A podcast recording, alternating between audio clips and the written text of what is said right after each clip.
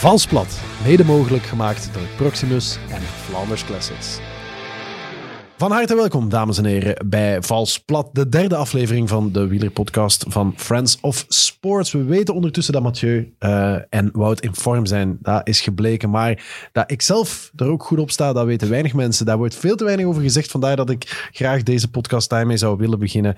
Uh, afgelopen zondag heb ik een van mijn uh, goede vrienden uit het wiel gereden op een uh, pittige helling in Ronquière. En toen dacht ik, 2021 zou wel eens mijn jaar kunnen worden. Ik wacht nog even met mijn wattages openbaar te maken, tot ik weet wat dat precies zijn, wattages. Maar uh, ik kan jullie wel op een andere manier in de ogen kijken. En dan heb ik het over mijn podcastgenoten van vandaag, of tenminste van elke week eigenlijk, Dirk en Jappe. Ik begin bij jullie. Ik ben blij dat jullie er zijn. Dirk, er is iets met jouw hoofd. Je baard is eraf, hè? Mijn baard is eraf. Ik was heel lang aan het nadenken. Wat is er met het hoofd van Dirk? Ik zie het nu pas eigenlijk dat het je baard is. De Vin Diesel van Opwijk. Nee, nee, nee. Maar dat is zo altijd de jaarlijkse traditie. Als de coureurs hun benen scheren voor uh, Strade Bianchi, doe ik met een baard. Is, uh, is ja. ook ah, wel, ik dacht eigenlijk ook mijn benen al te scheren met de komst van Serge. Maar ja. ik heb nog even de dons laten staan. Het is nog slecht weer, dus misschien gaan we nog een week wachten. Jij dacht ook, ik geef al weg wie de gast van vandaag ah, is. Oei. Maar er kunnen nog heel veel Serge zijn. Hè? Ja, dat is waar. Zoveel Serge in België alleen al. Dus dit, dit, dit, dit, kan nog echt alle kanten uit. Maar dat maakt ook niet uit, want we hebben het eigenlijk ook al op al onze social media kanalen zitten verkondigd. Dus het op allemaal. niet zoveel uit. En hij is ook al in beeld, want wat ik niet zo goed wist, was dat... Of ja, ik weet het eigenlijk. Dit wordt gefilmd ook, hè, dus heel veel mensen kijken ook gewoon op YouTube. Maar toch ga ik nog even wachten met hem te introduceren. Jappe, blij dat jij er ook bent. Ja, merci. Uh, ik wist trouwens wel dat jij goed in vorm was, want je compagnon waar je de zondag mee bent gaan Die ken jij ook, ja, die, Stijn. Stijn die stuurde mij, Otto Jan, godverdikke, die zit goed. Heb je echt een goede winter gehad dan? Of, Nee, nee, ik ben gewoon de laatste tijd veel aan het rijden. Bij mij begint altijd met een... eh, Ik ga altijd dan eens op een bepaald moment met een paar mensen rijden en dan val ik door de mand en dan baal ik daarvan en dan denk ik, dat moet beter kunnen. En de laatste tijd ben ik gewoon regelmatiger aan het fietsen. Maar het gravel grinden heeft Dat is te gek. Ja, Ja. ja. eh, dat is, eh, dat, jullie doen dat nog altijd niet, geloof ik. Hè? Nee, ik heb ontdekt dat dat echt iets voor mij is. Maar afgelopen zondag was het met de, de baanfiets. En voor de liefhebbers, ik heb een ongelooflijk interessante route gevonden in en rond Ronquière, wat vrij dicht bij mij thuis is. Eh, heel rustig. En, eh, en alleen maar klimmen en ook af en toe dalen natuurlijk, dat hoort er wel bij. Richting Ecosyn, zo wat die streek. Ja, richting Mon- Monstreux en, en Nijvel en daar, die Dat is kant. zo een ver- vergeten Dat is, gebied dat, dat is het mooie. Ja. Ja. Als ik, ik woon in Halle, dus ik kan naar het Pajottenland waar het altijd druk is. En waar ik volgens mij al eens Serge Pauwels heb zien trainen. Wat wel eens heel goed onze centrale gast zou kunnen zijn, maar ik moet hem straks nog introduceren. Maar dan ga je naar de andere kant van de taalgrens en daar is het altijd rustig. En ook heel mooi. Af en toe een boswachter. Af en toe een boswachter inderdaad, of een, of een, eh, of een waal. Die zie je er ook wel eens. maar eh, daar, daar moet je mee om kunnen als eh, coureur. Fijn dat jullie er zijn. Eh, maar we hebben ook een centrale gast. We gaan het over de koers hebben. hè. Het zijn drukke dagen. We kijken met het ene oog naar eh, Parijs-Nice met het andere naar de Tirreno. Maar we hebben een centrale gast waar we minstens zoveel aandacht aan willen besteden vandaag. We zijn heel blij dat hij er is. Hij kent het wereldje als zijn broekzak, omdat hij zo lang in dat wereldje gezeten heeft, of in, de, in die broekzak. Maar die broek is uit, die koersbroek. Hij heeft gelukkig een andere broek aan vandaag. Van harte welkom, Serge Pauwels. Dank u wel. Wat een verrassing voor de mensen ook. Serge Pauwels de centrale gast van vandaag in zijn eerste podcast aller tijden ooit. Dat klopt toch, hè? Ja, ik denk het wel. Ja, ik ben Ja. echt blij hier te zijn. Dat, dat kan ik me voorstellen. Het is ook een heel gezellige studio en zo. Ja, ik, ik heb wel naar jullie vorige podcast gekeken en ik wist niet dat er hier uh, plastic ging, maar ik vind het wel goed. Ja, dat is goed gedaan. Hè? Dat is in verband met, met COVID hebben we allemaal van die, van die plexiglazen wandjes. Ja, dus als je, het subiet een. Nee, als je een vuistje wilt geven, is dat wel tegen het. Voilà. Dus is- maar niemand wil jou ooit een vuistje geven. Ja, Er is geen enkele reden om aan te nemen dat Serge Pauwels jou straks nog een Lap. vuistje gaat geven. Een lap, dat zou kunnen inderdaad. Eh, gisteren zat je bij Extra Time. Mhm. Was gezellig? Ja, maar ook weinig, eh, weinig publiek, hè. Eh, ah ja. Maar wel mooi, mooi decor. eh, foto's van de Ronde van Vlaanderen, van eh, Parijs-Roubaix op de muren. Ja. Ja. Dus- En, en eh, met twee oude knarren. Hè, eh, Maar Ruben van Gucht is toch nog niet zo? Ja, dat is een jong. Ja, je weet dat misschien Nee, maar het was Serge, heel gezellig. Het Er is is een gezellig. kleine feud tussen Otto Jan Hans Is een en Ruben feud? van Gucht. Ah. Nee, dat is geen feud, dat is begraven. Dat is, of dat is zelfs nooit. Nee, nee, nee, nee. nee maar, Wat is een feud eigenlijk? Dat is, dat is jongerentaal voor, eh, Ja? voor een strijd of een, eh ja. een, een, een, eh, een fitty. Een Een, fitty. een. Een bloedveten. Nee, nee, maar ik ken mijn plaats eh, en daar heeft zij zich gisteren ook aan de lijve ondervonden. Je hebt echte sportjournalisten hè? en daar hoort Ruben bij. En, en dan heb je het schuim der natie. En dat, dat doet post podcasts. En Voilà. kan niet eens het woord podcast, Podcast. uitspreken. Wij, wij doen podcast. podcast, inderdaad. Enfin, maar toch, ja, ik ben, je hebt gisteren heb je het hoofdgerecht gehad en nu kom je hier voor het... Voilà. Het toetje. De generale repetitie gisteren en nu, eh, Ja. nu is het verrecht. Hier gebeurt het echt. Ehm, ik weet dat wij ook wel heel veel luisteraars hebben die gewoon luisteren omwille van het feit dat ze graag naar een podcast luisteren. Daarom heb ik jou gevraagd, Dirk, probeer onze centrale gast eens te kaderen. Eh je hebt gewerkt aan een bio, je hebt vannacht niet geslapen, je hebt keihard gewerkt aan een bio van Serge Pauwels, daar ga je. De hele nacht Ben YouTube zitten kijken Ja. naar Serge Pauwels. Eh, Serge, dat is een naam die al heel lang meegaat. Eh, klimmer. Eh, In tijden dat België geen klimmers had. Geboren in het jaar 1983. Dat is het laatste jaar dat er ooit een wereldkampioen Milaan-San Remo won. Jappe. Eh, Saroni. Saroni, Giuseppe. inderdaad. Giuseppe. En een Grand Cru-jaar voor het Nederlandse wielrennen. En dat is wel iets eh, recht in jouw straatje. Absoluut, ja. Eh, Jan Raas won de Ronde van Vlaanderen. Eh, Henny Kuiper won Parijs-Roubaix. Steven Rooks won Luik, Bastenaken, Luik. Het enige lichtpuntje voor de Belgen was Claude Criquelion, die de Classica San Sebastian won. Maar voor de rest stelde het Belgische wielrennen toen niet veel voor. En daarom is Serge toen geboren.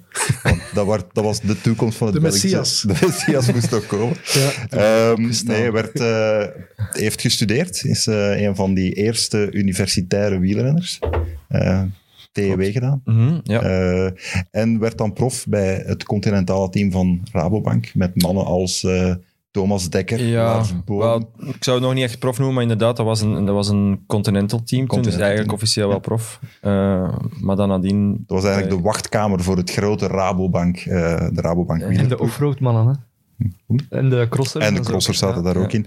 Ehm, maar dat ging dan niet door uiteindelijk. Hij verhuisde naar Chocolade Jacques Topsport Vlaanderen. Mhm. eh, waar hij aan de weg begon te timmeren, stilaan begon te groeien. En dan versierde hij een eh, transfer naar het eh, Cervelo-team, Cervelo-testteam in 2009. En toen had er ineens een gekke Brit het idee van we gaan een wielerploeg oprichten. Klein ploegje Sky, eh, waar Serge ook in die eerste jaren Ja. actief was, het eerste jaar van Sky. Ehm, werd dan opgepikt door Patrick Lefevre om bij Omega Pharma Quickstep de topjaren van Tom Bonen nog eens mee te maken. En dan nadien eh, voor de Zuid-Afrikanen gefietst van MTM Quebeca, eh, later Dimension Data. En sloot dan zijn carrière af bij eh, CCC. Ehm ja, één profkoers gewonnen waar hem zijn handen mocht omhoog steken. Eh bolletjestrui gewonnen in Tour Down Under. Ehm goeie klimmer, goeie gregario zoals ze het noemen. Eh, af en toe kopman zelf. En eh, ja, altijd van genoten. Ja. Op pensioen gegaan, maar niet lang van zijn pensioen kunnen genieten. En nu eh, de performance manager van eh, de Belgische Wielerbond. ja. Complete bio? Of heb je zelf iets gemist nog? Of, eh, Nee, ik denk, eh, ik denk dat het... Ik heb zelf ook al dingen vergeten, denk ik. Maar het zijn heel veel jaren, hè, maar natuurlijk, ik, eh, ik, ja, ik heb een stuk of eh, zes verschillende profvloegen of zo aangedaan, denk ik. Ja. Dus eh, waar Rabobank Continental reken ik eigenlijk niet echt mee. Eh, en inderdaad, één keer mijn handen in de lucht kunnen steken. eh, en dan ook wel eindklassement gewonnen. Dus ik dacht, ja, ik win al zo weinig, dus dan kan ik beter eh, maken dat ik ook in één keer eh, eindklassement win. Dus, ehm, maar hoe dan ook, 16 jaar is eigenlijk toch een vrij lange carrière hè, voor, een, voor een renner. Ik weet eigenlijk niet wat het gemiddelde is, maar 16 dat jaar is, toch- behoorlijk. Dat is hè? denk ik wel verdienstelijk, ja. Ja, Toch als je zo weinig koersen wint als... eh, als ja. nee, nee, maar er zijn toppers die heel lang kunnen meegaan omdat ze op, op wel palmares kunnen teren. Maar als je zo lang meegaat in het wielrennen, ehm, dan moet je teken zijn dat je van grote waarde bent tot, voor, een, voor een ploeg. En dat was Serge vaak. Serge was de, de man die de grote kopmannen moest bijstaan in het hooggebergte. Die eh, vooruit kon sturen in een, eh, in een grote ronde. Ehm, en die zelf het ook nog wel kon afmaken. Ja, Eh 16 jaar en dan bes- besluit je op een gegeven moment om te stoppen. Heb je daar lang over nagedacht? Was dat iets waar je, waar je al, al heel lang in je hoofd zat? Of, of, of was het... Nee, absoluut niet. En eigenlijk had ik eh, nog, nog wel willen doorgaan. Alleen ehm, afgelopen jaar, net voor ik terug in competitie kwam, is er bij mij, ehm, eigenlijk mijn routine bloedonderzoek, is er een, ehm, een, een eh, ontsteking aan mijn hartspier vastgesteld. Of tenminste een vermoeden. En dat was eigenlijk niet echt zeker, maar natuurlijk... Ja, als je het woordje hart al hoort, dan eh, is er niemand geneigd om daar eh, risico's in te nemen. Ik had geen enkel, geen enkel symptoom. Eh, ik voelde me heel goed. Ik, ik was op stage in, in Luca, in- op mijn uitvalsbasis in Luca, waar ik altijd naartoe ga aan het trainen. En ik, ik voelde mij klaar om in competitie te komen. Maar natuurlijk, eh, ja, die, er waren verhoogde troponinawaardes in mijn bloed die, die eigenlijk konden wijzen op een, op een myocarditis, dus op een uh, ontsteking op mijn hartspier. En uh, ja, dan hebben de dokters natuurlijk gewoon, of de ploegarts heeft gewoon gezegd, kijk, uh, dit is eigenlijk, we gaan dat risico niet nemen, allerlei testen gedaan enzovoort. Dat was eigenlijk allemaal, allemaal goed, maar natuurlijk, ja, eigenlijk is de, de remedie, of, of, of wat er dan wordt aangeraden, bij, bij een vermoeden van myocarditis is, is rust. Dus, en dat gaat tussen, ik denk, één of twee maanden rust hier in Europa. In, in Amerika zeggen ze zelfs soms zes maanden rust. Dus ja, dan begon ik eigenlijk de rekening te maken. Dat was net voor, uh, voor dat seizoen ging starten. Uh, dus het, de herstart van het seizoen na COVID, ergens uh, augustus of zo zeker. Ja, als je dan rekent augustus, september, um, dan bleef er niet meer veel koersen over. Ook nog wetende dat je dan nog moet beginnen terugtrainen. Dus ja, op dat moment ben ik wel het een en het ander beginnen afwegen natuurlijk. Hè. Ook wetende dat, dat CCC stopte, dat je eigenlijk een heel zwakke onderhandelingspositie zou hebben om een nieuw contract te onderhandelen. Dat ik 37 ben, ja, dus dat die gewoon eigenlijk de weegschaal overhellen naar, ja, het zou gewoon wel uh, hier kunnen stoppen en, en dan is het op een mooie ma manier afgerond. En had je uh, dat, laten we zeggen, in de, de week, want dat is inderdaad iets dat je zelf niet helemaal onder controle had, maar is het iets waar je als eh, renner van over de 30 toch al aan het begin van elk seizoen een klein beetje over fantaseert of over nadenkt? Van, goh, dit zou wel eens het laatste seizoen Ja, als je in een contract je... bent, wel natuurlijk. Ja. Um, maar ik ben eigenlijk sinds, laten we zeggen, um, 2000, sinds ik eigenlijk bij MTN Quebec ben gekomen, ben ik eigenlijk maar één keer einde contract geweest. Dat was 2018. En dan, ja, dan heb ik eigenlijk nog gekozen om iets anders te doen. Om, hmm. om met, met Greg mee te gaan naar CCC. Um, ehm, dus ik ben eigenlijk nooit echt in die positie geweest van, van einde contract. En dus dat was nooit echt een grote zorg. Ja. Um, Waren er eigenlijk gesprekken mee, nog met een ploeg op laatste? Nou, of hebben ploegen nu gecontacteerd omdat ze wisten dat je einde contract was? Ik, ik, heb... Nee, dat, dat, dat lag, natuurlijk, alles lag heel ja, lang stil. Het. Tot de zomer. Allee, bedoel... En sowieso, als je, als je 37 zei... Um, eh, zijn er niet als eerste aanbod uh, om, om een contract onderhandelen, zelfs als je allee, 100% gezond bent. Hilaire had u nog niet gebeld of zo? Wel, uiteindelijk is nee, Hilaire heeft me niet gebeld. Ik heb wel uh, met uh, Jean-François Boulard wel contact gehad. Maar goed, ik heb eigenlijk alles allee, goed genoeg afgewogen. En ik denk misschien ja, dat, ik, dat ik zoiets nodig had om, om te stoppen. Omdat ja, ik, ik ging anders misschien te lang hebben willen doorgaan en misschien wel op een gegeven moment wel eens het jaar te veel. Eh, maar heb je wel het gevoel dat je er op een geschikte manier een punt achter hebt kunnen zetten? Dat, want ineens word je geconfronteerd met een voldongen feit ook wel. Ja, dat... ja maar eh, uiteindelijk, wat, wat is belangrijk? Uh, ik hoef niet per se op het einde van, van mijn laatste Tour de France nog een rondje op de Champs-Élysées voor te rijden of, of een, of een hmm. afscheidscriterium. Of...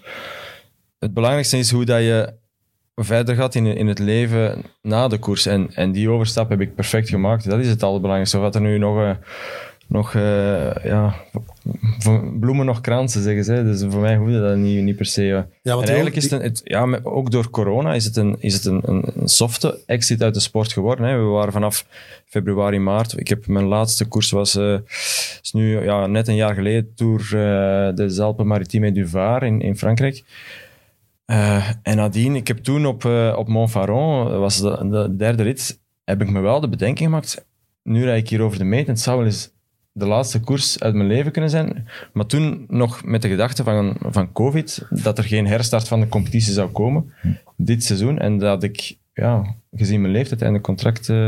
Zou zijn. En, en, en ben je dan het type, type die dan een traan laat achter zijn wild fancy zonnebril? Of, of, eh, of, of, of, blijf je daar wel redelijk rustig op? Wat, wat bedoel je op het moment dat Op het moment dat je die bedenking maakt. Ik kan me voorstellen als je 16 jaar lang prof bent geweest en, en, en, en, en zo je sport geleefd hebt en ineens komt dan die, die, dat, dat besef dat dat toch wel iets doet met een mens. Ja, dat, dat viel eigenlijk wel mee, maar ik heb het wel, ik heb twee dagen, op het moment dat we het dan echt, echt officieel hebben aangekondigd, dan heb ik het wel twee morgen, als ik dan een berichtje kreeg van mensen, heb ik wel twee dagen echt heel emotioneel geweest.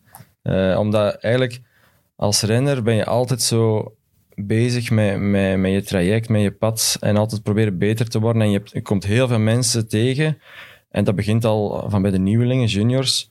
Um, en op het einde, op het moment dat je er aan een streep op, allee, ondertrekt, dan zie je eigenlijk al die mensen, dan, komen, dan uh, krijg je van heel veel mensen berichten of telefoons.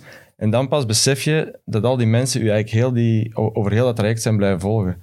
En uh, ja, dat was wel, uh, dat is wel bijzonder. Hoor. Was je verbaasd van wie allemaal berichten? Ja, Zaten er ook mensen bij die, die je eigenlijk. Ja, dat gaat over, over uh, ja, mensen met wie dat je bij de nieuweling of bij de juniors op stage mee bent geweest, een keer in de Ardennen of, of, of waar dan ook, of, of later op stage in Frankrijk toen je al prof bent, of op ja, gewoon alle, alle mensen die eigenlijk tijdens je carrière als passant beziet, die staan in één keer op het einde van je carrière staan die aan de meet en ja, dan uh, juichen die je precies nog een keer toe. Zo. Of dan uh, ja, staan die je op te wachten. Wat een warme omgeving, ja. het peloton. Ja, ja, dat is, ik zal zeggen, dat rondje op de Champs-Élysées, dat gaan we nu proberen. ja, we straks heel snel rondlopen en dan doen we hem inderdaad. En dan laten we jou even ontsnappen.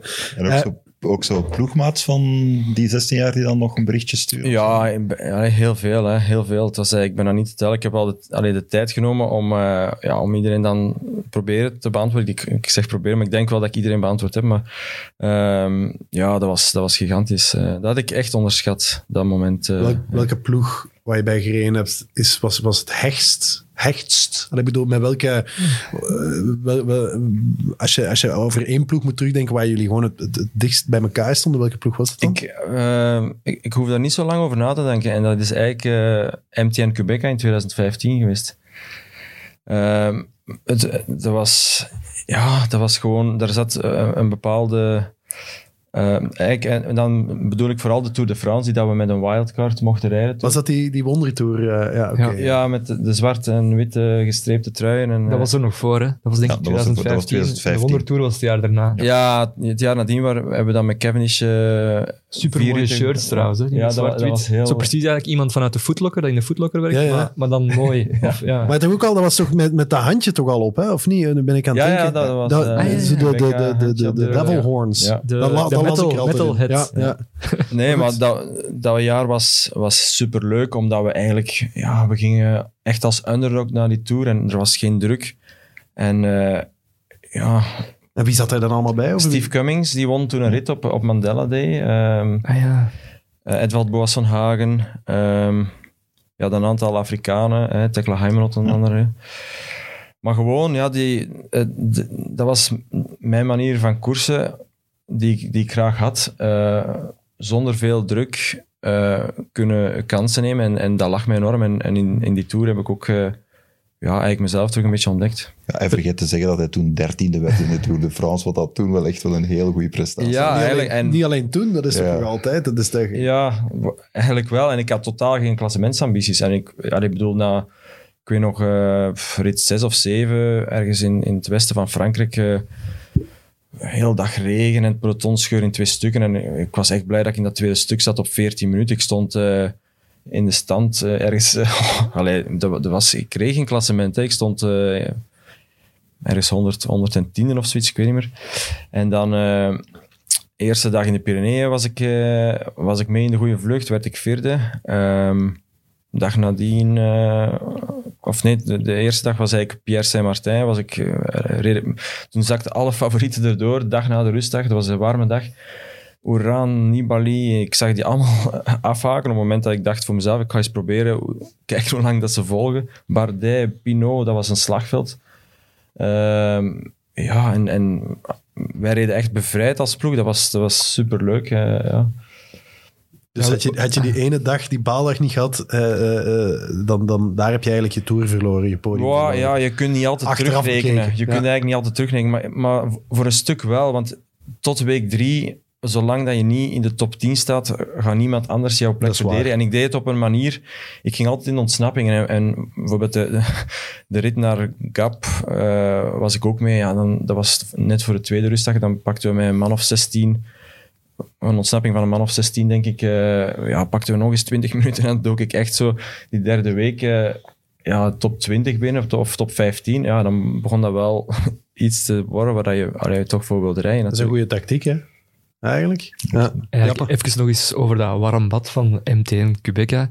Klopt het dat je eigenlijk hebt gesolliciteerd op een klassieke manier? Voor het, voor het project. Ja. Dus, want ja, we hebben ook heel veel uh, ja, jonge luisteraars die misschien binnenkort op de arbeidsmarkt gaan komen. Zo'n sollicitatiebrief. Hoe, hoe, hoe bent jij te werk, te, te werk gegaan? Want ja, in de koers, dat wordt toch niet veel gedaan? Nee, dat wordt niet veel gedaan. De meeste renners hebben ook een, ook een manager. Maar ik denk dat alles begint bij jezelf de vraag te stellen, wat wil je? En ik... Uh, ja, ik zat bij, de, bij Omega Pharma Quickstep en dat was ook super van, van omkadering, van sfeer, dat was heel goed. Alleen had ik voor mezelf, denk ik, nul kans om de Tour te rijden bij, bij Omega Pharma Quickstep toen, of, of Quickstep van nu. En um, ja, dat was eigenlijk, mijn droom was van, van kindsbeen af, om in de calls in de Tour ooit eens voorop te rijden. Dat was waar dat voor mij het heilig vuur brandde en ik voelde van, ja oké, ik ben 31 of 30 jaar, ik ga dat eigenlijk niet kunnen waarmaken of ik ga dat niet kunnen halen. En toen heb ik gedacht, ja, nu moet ik het geweer van schouder veranderen. Ik moet gaan kijken, waar kan ik dat wel doen? En dan kwam ik eigenlijk uit bij, bij hen, omdat ik al had gehoord of, of vernomen dat ISO wel echt wilde uh, mondialisering van het wielrennen naar volgend jaar toe een Afrikaanse ploeg uh, daar aan de start krijgen. Ze hadden toen ook met, met Chiolek uh, Milan Sanremo gewonnen. Dus ik zeg ja, dat is eigenlijk voor mij wel de ploeg waar, waar het zou kunnen gebeuren. Ik vond dat ook een heel, heel fijne ploeg. Je zag dat van buitenaf toen al. Die, dat, dat, dat sociaal project dat er dan aan vasting van Quebeca. Dus dat, dat plaatje klopte voor mij. En dan heb ik heb ik gewoon de manager aangeschreven en ja, eigenlijk gewoon de dingen gezegd die ik, die ik nu tegen jullie zeg. En, uh, en opgesomd waarom ik voor hem wilde rijden. En uh, Douglas Ryder, dus de manager, die zegt nog tot vandaag: Ik heb nog altijd die e-mail van jou bewaard, omdat ik.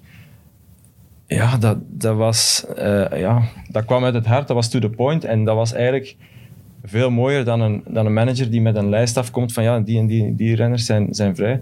En. Uh, ja, dat, is ook heel atypisch. Ik kan me ook inderdaad voorstellen dat dat zelden tot, uh, tot nooit gebeurt. Had je ook geen manager of, of deed je dat soort dingen liever om, je om, om de manager? Toen had ik nog een manager en ik heb toen uh, aan, uh, aan Paul de Geiter en Dries Smets gezegd van kijk, jullie doen jullie werk, maar er is één ploeg die ik zelf wil contacteren en dat is uh, MTN Quebec. En uiteindelijk ja, is, is daar ook de, alleen de Machtig, toen heeft hem zijn managers aan de kant Ja, maar dat is wel echt zo, zo dat, is, dat, dat zegt wel iets over hoe je, erin, hoe je erin staat en stond.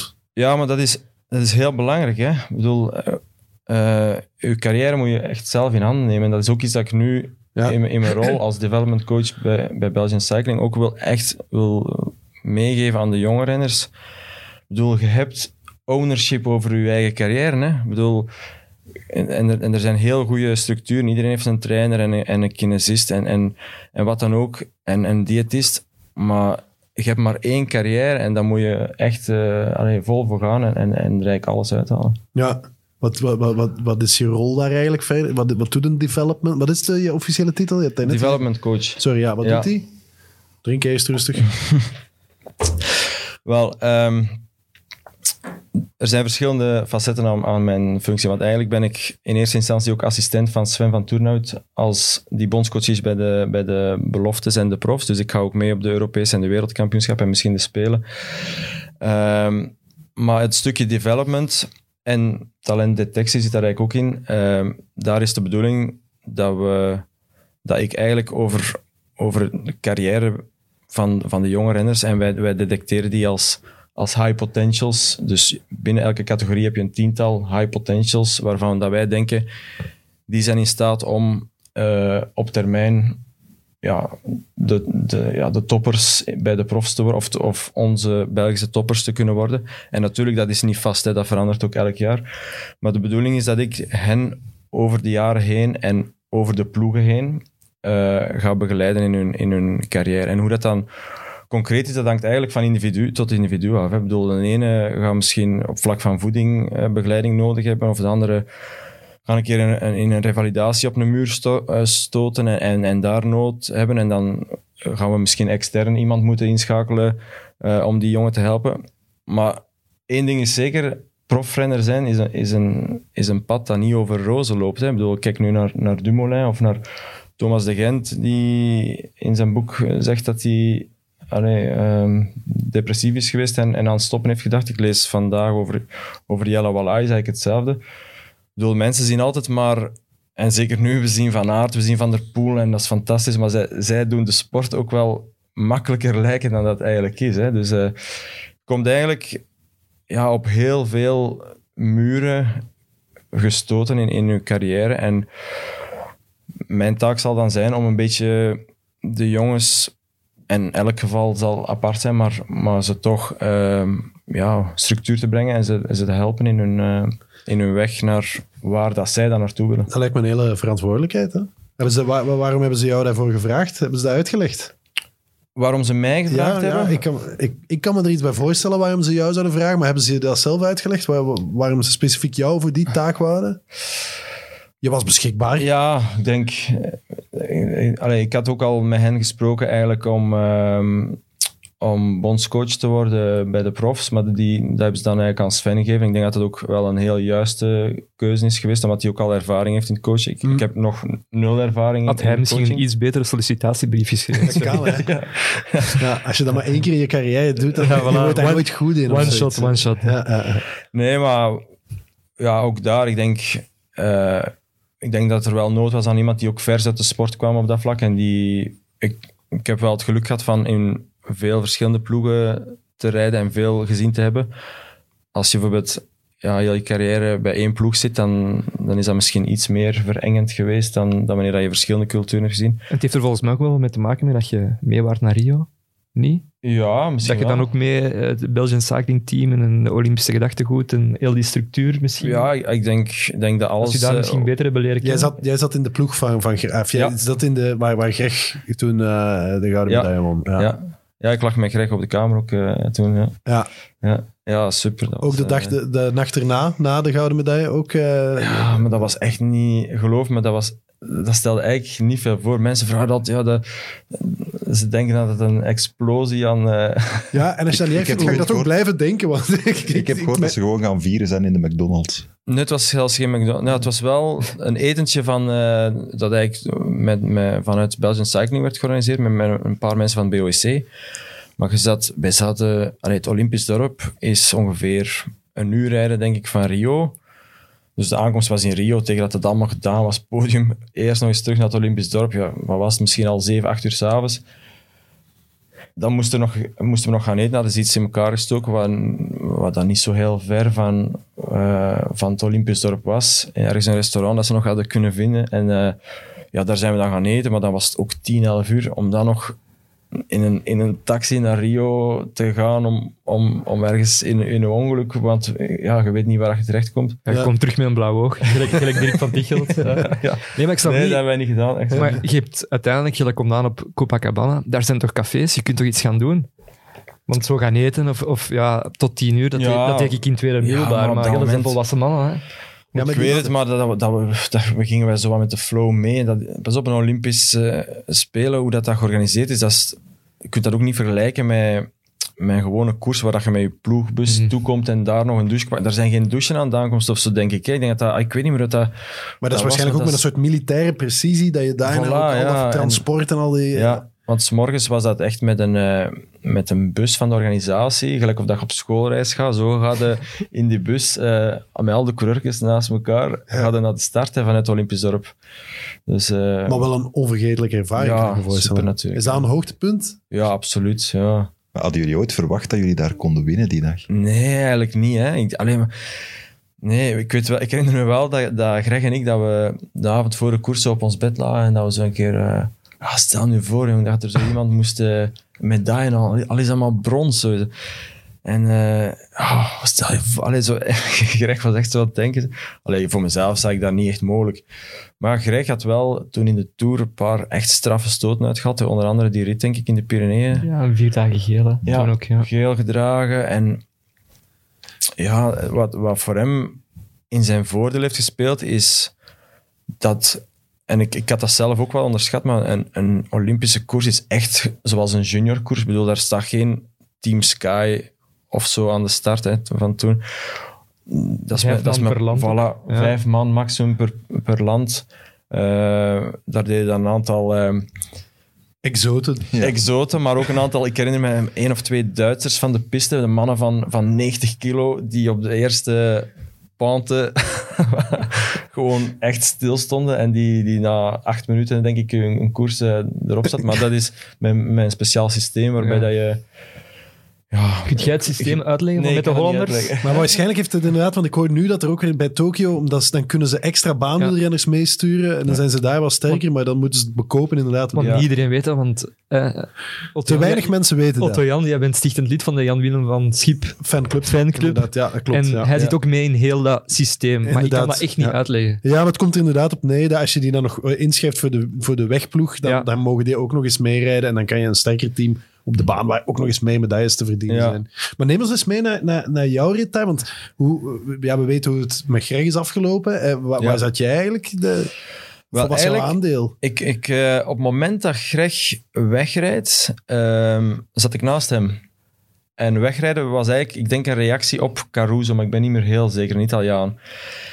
En ik, eh, op dat moment, ik, allee, ik was wel best goed, eh, ook die dag. Eh, Tim Welles, die had, die had een, allee, een, een off-day toen, die, die was niet goed. eh, want die was eigenlijk wel, we hadden wel verwacht dat hij ook Te warm, hè? ja, het was, Het was warm, inderdaad warm. warm. Dus eigenlijk bleef, bleef ik zo wat met Greg over. Eh Pluske die had al wat werk opgeknapt. En, en Gilbert, die, ja, die was ook niet, niet top, denk ik. Maar die, die had ervoor al wel eens geprobeerd om weg te rijden, die kassei.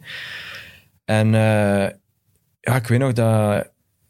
Ja, Greg die is, die is gewoon erachter gegaan. En, en eigenlijk op dat moment, dat was perfect. Er zijn een aantal renners meegesprongen. En verschillende landen. En dat was heel ja, gedesorganiseerd in het peloton. Op een gegeven moment Maar daar zijn ook geen oortjes voor, onderstel Nee, ik. eh, dat herinner ik me nu niet meer. Maar, want was je op de hoogte hoe, hoe de koers zich verder dan ontwikkelt en de val van Nibali en zo heb je dat dan... Nee, nee, nee, dat hoor ik maar achteraf. Ik, eh, ik herinner me wel nog... ehm, ja, ik reed dan ergens rond plaats 20 samen met, ik denk, Bardet, Villermoos. We reden naar de finish. eh, dat laatste stuk via de Copacabana. En, en ik, ja, Paul Herreigers was daar ook al op de motor. Was, ja, deed daar ook eh, allee, werk. Ik weet niet wat Joyride. was het? Time. Joyride, eh, en eh, die stak op een gegeven moment zo zijn duim naar mij omhoog. Zo, recht zo, zei hij dat.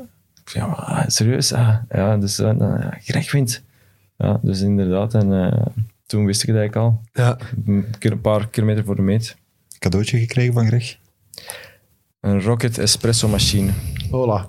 Ja, Ik heb geen idee of dat een goed, maar dat klinkt, dat klinkt goed. Hè? Dat wel, de koffie hangt, natuurlijk af van de bonen, maar eh, het is... eh, ja, Aan het super. machine En, zal het niet liggen. Nee, het is, eh, het is ook mooi eh, eh, gepersonaliseerd. Of tenminste als aandenken aan Rio met de Belgische vlag en, en de namen van de vijf renners die, die erbij waren. Dus Dus elke ochtend. elke eh, ochtend eh ja, wordt ik eraan Olympische herinnerd. Ja. Heb je zo nog cadeautjes? Bijvoorbeeld heeft Sastre je ooit een cadeau gegeven? Of, of eh, eh, Sastre niet, denk ik. Ehm, Want jullie zijn echt nog wel ik, best heb, friends. ik heb eh, deze horloge heb ik van, van Cavendish gekregen. ah ja. Ah, ja. Is dat, 2016? is dat een Rolex, hè? Niet? Of? Ja, en Ah, eh, mijn naam staat er ook in gegraveerd. ja. En die ring, van wie is die ring? Dat is mijn, die dat is mijn trouwring. ah, oké. ja, oké, ja, ja, ja.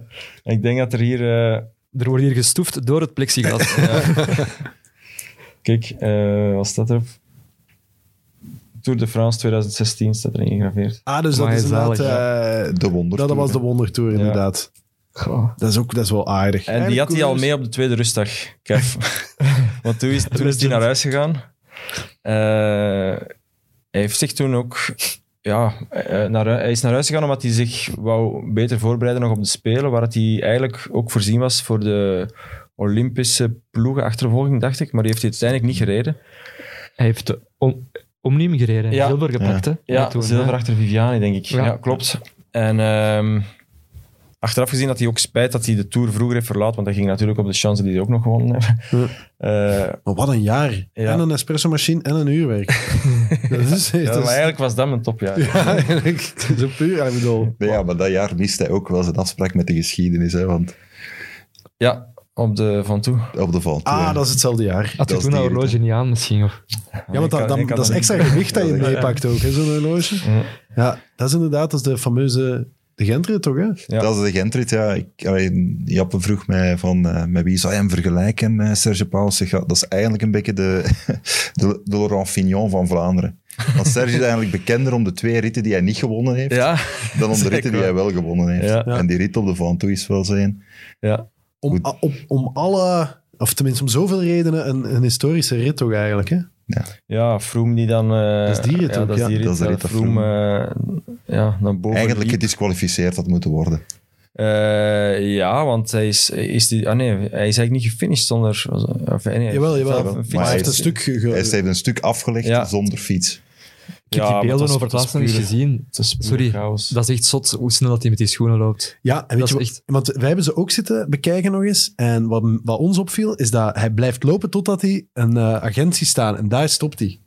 Mm. En ik weet niet of dat toeval is, want je ziet die agent ook, want dat zijn van die bergflikken uit... uit, eh, uit Allee, ik bedoel, dat zijn van die hobby... Bergflikken. Nee, ja, ik bedoel, nee, ik bedoel, dat moet ik uitleggen, maar zo in Frankrijk, in skigebieden en zo, die zijn, zo, die zijn in, in wintermaanden zijn die gewoon het, het, eh, zijn die agenten, hè?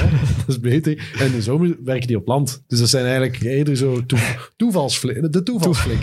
Dat- dus daar ging weinig autoriteit van uit, dat wil ik Ja. maar zeggen. Verder, eh, al, al mijn respect naar alle agenten die nu aan het Ik wil wel nog eens even, Mic drop, ja. nog eens teruggaan naar dat moment. Want eh, nog even kaderen. Ja, de mensen konden eigenlijk vragen insturen. En een paar mensen hebben wel een goede vraag ingestuurd. Waaronder eigenlijk eh, Jesper van Hul.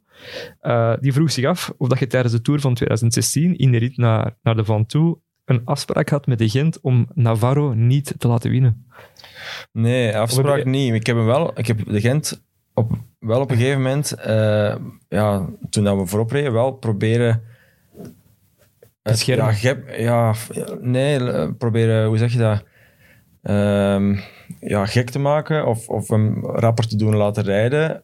Van hij hem- komt. ja, van hij komt. Ja, ja. Want ik wist natuurlijk, als ik echt een pure sprint ja, moet afwachten tegen hem, dat ik niet veel kans had. Maar uiteindelijk, allee, En dan had je het over Navarro, over die Cofidis-renner die van, eraan hey, komt. komt eraan. Maar uiteindelijk, dat was dat zo'n...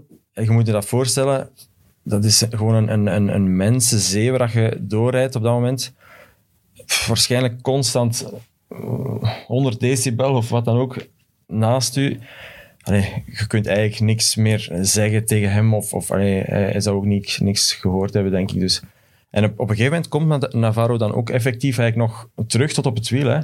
Eh, maar dan eh, begint de sprint eigenlijk bijna. En, en eh, ja, hij was, in de sprint was hij wel veel sterker. natuurlijk. Ja, Navarro lag er meteen af. Jij Ja. ging er nog even aan en Ja. dan was het ook eh, was het gedaan. Navarro Ja. kwam terug, bleef 10 meter in het wiel en werd dan Ja. teruggelost eh, in de sprint. Maar ze hebben toen door de rit s'morgens ingekort. Hè? Ja, ik, ik, ja. ik stond toen die een dag boven op de Ventoux. Eh, Ah, oké. Ik heb daar toen nog een Nederlander zijn caravan gewoon van den berg zien geblazen worden. En toen zeiden wij, ik was daar met mijn collega Lander, eh, met wie de Otto Jan af en toe wel eens gaat fietsen. Jongens, toch? Jullie waren Eh, daar ter ontspanning of ter werk? Nee, we waren daar voor Quickstep. Wij volgden Ah, ja. Quickstep en wij, wij verwachten dat aankomst boven was. En wij zeiden van, dit, dit, dit Nee. kan niet. Dit, Want het was, storm was de reden waarom het werd... eh, ja, het was eh, ja, felle rukwinden tot 100, 160 boven op de, op de Ja, berg, ja, ja. En dan hebben ze, denk ik, s'morgens al beslist eh, om de aankomst op uh, Chalais te leggen. Dus de laatste zes kilometer zeker hebben we niet gedaan. Ja, want, maar dat is ongelooflijk. Als je die beelden dan terugziet in dat bos, dat is prachtig weer. Je kan je dan niet voorstellen dat daar een paar... Nee, inderdaad. Je, ik, ik vergeet dat eigenlijk ook altijd, dat dat toen eh, dat echt omwille van de wind was. Dat dat, ik weet wel, als we wegreden, dat was, die ontsnapping, we reden eigenlijk bijna kilometer nul weg. En eh, ja, was wel veel zijwind en we reden echt in, in ja, bijna een waaier, maar in het peloton werd er niet gereageerd. Dat was wel een van de beste ontsnappingen waar ik ooit heb ingezeten. Dat was 14 man en dat draaide rond, dat draaide rond. Ja, we, namen wij direct eh vijf minuten, zes, eh, tien, wat was het, 16 minuten of, of ik weet niet wat het maximaal was. Het was echt veel, 18 of zo. En dan eh, is er op een gegeven moment toch in het peloton, want Ilio Keijs was wel mee, maar Quickstep had eigenlijk ja, niet echt iemand om die de rit kon winnen. En dan hebben ze in het peloton ook alles op de kant gegooid, om het zo te zeggen. Dus hebben ze ook een waaier getrokken, denk ik, Quickstep. En zijn ze op een gegeven moment heel dicht gekomen. En dan zag het er eigenlijk naar uit dat we zelfs niet voorop gingen blijven.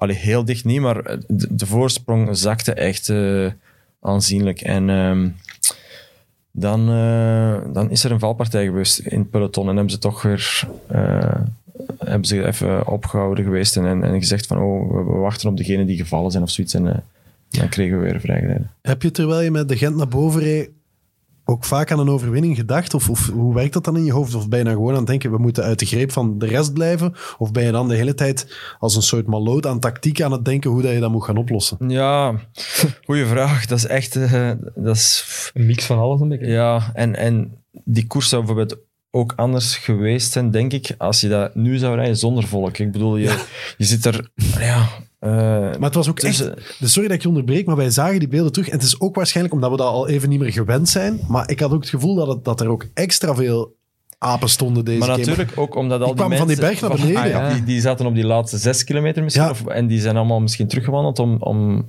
dus alles werd zo gecomprimeerd in plaats van op 20 of 21 kilometer, op, op 14, 15 kilometer. Uh, en, maar ja, om terug te komen op je vraag, uh, tactisch, ik, ik ben op een gegeven moment, uh, kwam ik voorop te zitten met Navarro. en was de Gent gelost, Ja. die was op een gegeven moment 15 seconden achter. En ja, eigenlijk denk ik dat wij, Navarro en ik, dat wij eigenlijk weg konden gebleven zijn. Alleen, de wind stond toen pal op kop op de Van toe.